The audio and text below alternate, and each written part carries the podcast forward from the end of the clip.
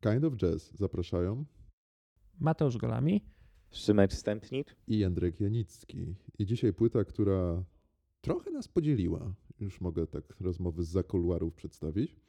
Natomiast chodzi o płytę Empyrean Isles y, kwartetu Herbiego Hancocka, w którym obok y, lidera grał kornecista tak naprawdę Freddie Hubbard, y, basista, kontrabasista Ron Carter i Tony Williams na perkusji.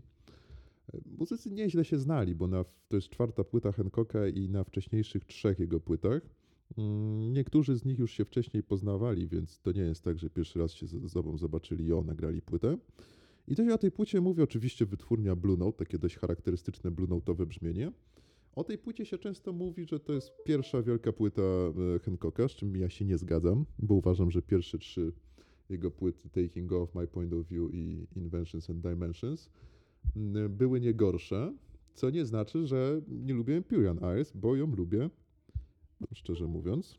Mm, Natomiast, natomiast redaktor Stępnik chyba takim miłośnikiem tej płyty nie jest. I może zaczniemy tak, jak się nie powinno zaczynać, tylko co ci się w tej płycie nie podoba, Szymon?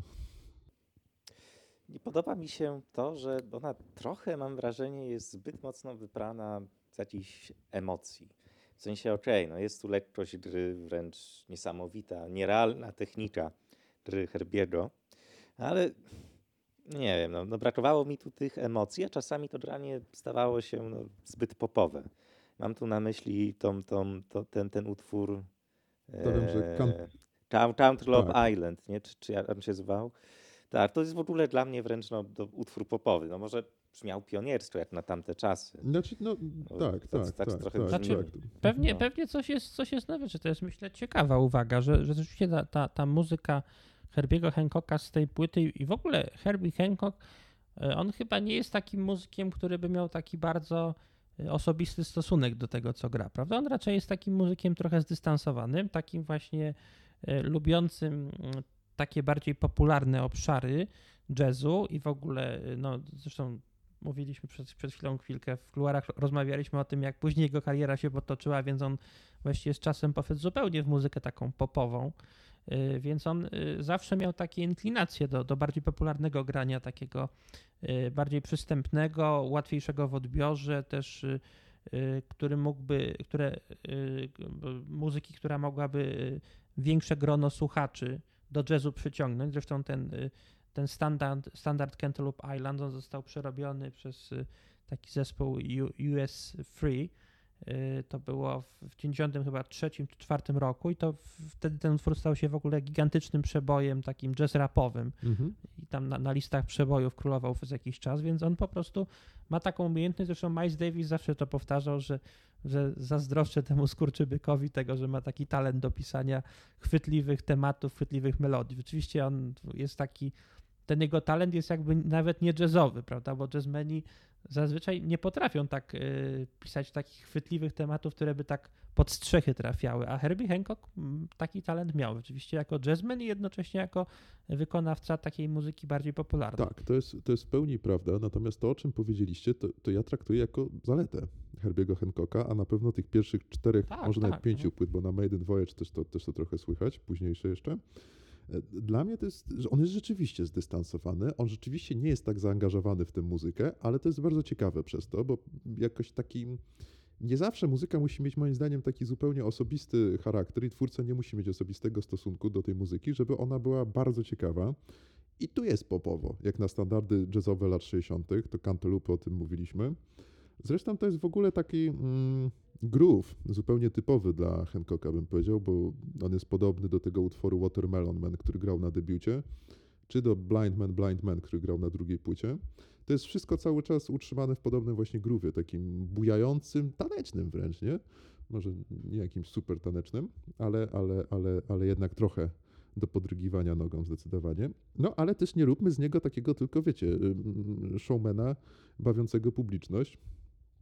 No bo na tej płycie pojawia się taki utwór jak The Egg, który chyba jest w ogóle najodważniejszym, tak jeżeli chodzi o rytmiczność y, w Tak, dorobku no, Hancocka. i najlepszym. W ogóle on, on brzmi dla mnie trochę jak taki koncert muzyki klasycznej. Nie wiem, czy takie wrażenie też odnieśliście. Tak, I w ogóle, w, tak, i w ogóle jak jest tam, na, na, nazwijmy to bridge'em, nazwijmy to bridge'em, to tam w ogóle na kontrabasie gra się smyczkiem. Nie wiem, czy to w ogóle zdarzało się wtedy w jazzie tamtych lat bardzo często, ale ja to wyłapałem, to zrobiło na mnie jakieś wrażenie. no to To, wiesz, to rza, rzadko się zdarzało. ten utwór też jest bardzo ciekawy, jeżeli... No, Ron Carter to wiedział, co robi, ale ten utwór też jest ciekawy, jeżeli chodzi o takie rytmiczne poszukiwania, bo tam rytmicznie jest naprawdę nieoczywista sprawa, takie mam wrażenie i, i, i tam się sporo dzieje i to jest taka na pewno niepopowa ścieżka Hancocka, którą on raz na jakiś czas podążał, ale nie tak chętnie jak tą właśnie taką najłatwiejszą, można by było powiedzieć, co moim zdaniem nie jest zarzutem żadnym. Mhm, mhm. Y, No tak, tak. No ja, się, ja się zgadzam z tymi waszymi opiniami, ale ja myślę, że, że Herbie Hancock w ogóle y, ten jego właśnie dystans, o którym mówiliśmy, ten rodzaj takiej właśnie za, zabawy trochę muzyką, on też, te- też jest y, fajny moim zdaniem pod tym względem, że on jakieś takie y, tworzy, tworzy takie mm, połączenia y, jazzu z innymi gatunkami. Tutaj chyba trochę już to widać. Może, może jeszcze nie widać takiego na przykład połączenia z funkiem, które Mhm.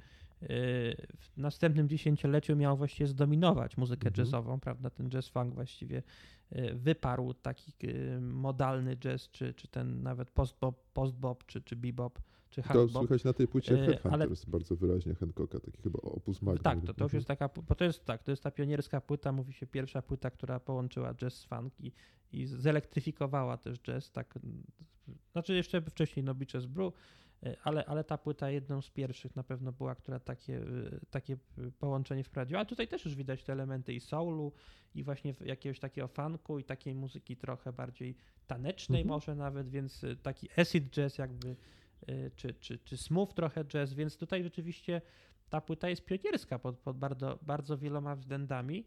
No i ona jest taka też, też taka w- w nowoczesnym duchu miejska. Ja, ja tak, tak ją trochę nazywam, prawda, że, że ona już jakąś taką zwi- zwiastuje trochę inną erę yy, i w myśleniu o, o, o muzyce jazzowej, w myśleniu w, w ogóle o muzyce i też, też o tym, że, że, że, tam, że to, ta, ta muzyka też często potem, tak mi się wydaje przynajmniej, to taki może moja impresja, jakoś zaczęła oddawać ten, ten klimat takiego właśnie wielkomiejskiego ducha, powiedzmy no, nowojorskiego, czy tych miast amerykańskich i ta, ta płyta jakoś dobrze się moim zdaniem wpisuje w te, te przemiany, które też y, no właśnie y, w, w, architekturze, w, w, w jakiejś tam urbanistyce tych miast amerykańskich w tym mniej więcej czasie następowały, bo wtedy się rozpoczął ten okres ekspansji y, tej wielkiej architektury, prawda, tych, tych wysokościowców, te miasta nagle zaczęły się stawać takie kosmopolityczne, takie właśnie wielkomiejskie, jak, jak, jak dzisiaj to rozumiemy i mam wrażenie, że ta muzyka jakoś tak tego ducha oddawała, prawda, jakoś, jakoś, jest, jakoś z tym korespondowała. Nie wiem, może to tylko taka moja, moja refleksja, a może, może Znaczy, faktycznie coś coś jest na rzeczy, rzeczy. bo Wiesz co, to jest bardzo, bardzo, bardzo ciekawa obserwacja, bo teraz sobie zdałem sprawę, że no, chyba masz rację z tym, że to dla mnie to nie jest do końca jakby pozytywnym tego aspektem. No bo to jest taka, to, to, to jest jakby płyta, która wkracza w pewną masowość, nie tak, uważacie? ale czemu No to na źle? pewno, na pewno, ale- ale- No. Mhm. Ale co w tym złego właśnie w sumie, prawda? Bo przecież ta, ta masowość, znaczy no oczywiście y, w jazzie, w jazzie potem no stworzyła takie, takie e, trochę potworki, prawda, jak ten smooth jazz czy, czy właśnie acid jazz, ale, ale tutaj te, te początki są moim zdaniem bardzo, bardzo szlachetne. Tak, no, to, to, to w ogóle jest taka płyta, mm, to nie jest płyta człowieka, wiecie, jakoś tak upojonego tymi koncertami jazzowymi, który tam gryzie perkusję, żeby tylko zagrać jak najlepszy solo, czy, czy, czy, czy saksofon, czy swój instrument, który jest cały w tym. Tylko to jest płyta takiego, nie wiem jak go powiedzieć, e, e, estety trochę. Trochę mi przypomina tego bohatera, mm, zapominam zawsze imienia filmu, e, Wielkie Piękno. Czyli takiego człowieka bardzo zdolnego, który czerpie sporo inspiracji, ale tak zupełnie się w nich wszystkich nie zatraca, mam wrażenie. I nie jest taki totalnie im oddany. Takiego obserwatora. Trochę tak, ale Takiego takiego wiesz co, radosnego obserwatora, takiego trochę hedonisty. Nie wiem, czy to do końca tak jak Wielkim Pięknie, ale trochę mi tutaj pobrzmiewa tym echem. No i Hancock moim zdaniem doskonale to czuje, bo on się znajduje pomiędzy tymi różnymi tradycjami, ten jego sposób gry na fortepianie. Bo w tym jest trochę bebopu, w tym jest trochę cool jazzu i w tym jest też trochę takiej rodzącej się, nie wiem czy rodzącej się, ale grania popowego, dyskotekowego i on tworzy syntezę tego. On chłonie świat, ja mam Mhm. wrażenie, Hancock. Znaczy ja bym powiedział głównie, że, że to jest po prostu taka y, pierwsza płyta właściwie smooth jazzowa, tak, prawda? Taka, której tak. można, Mhm. sobie, można sobie słuchać, można nawet puścić w radio jak najbardziej, prawda? To, to o ile na przykład y, myślę, że z tymi płytami, które wcześniej omawialiśmy, to byłby wielki problem w, ówczesny, w tamtych czasach też, a, a dzisiaj to już w ogóle, żeby te utwory jakoś zaistniały szerzej y, w stacjach radiowych, nawet takich, które się jakoś specjalizują w takiej muzyce trochę trudniejszej, a tutaj to są takie utwory, które doskonale właśnie do, y, do, do radia takiego bardziej popularnego, do jazdy samochodem gdzieś tam przez różne, różne miejsca, y, jako tło też w pewnym sensie, więc no myślę, że to, to jest jakby taka bardzo, bardzo dobra muzyka, y, ale bez, bez takich wielkich Tak. ambicji robienia jakiejś rewolucji w jazzie, rewolucji w muzyce, tylko po prostu chodzi o to, żeby, żeby dobrze się bawić, ale to jest jakby wszystko bardzo szlachetna Tak, robota. i jest taka radość, nie? Taka, to nie jest żadna rozpacz, takie super natchnienie, tylko po prostu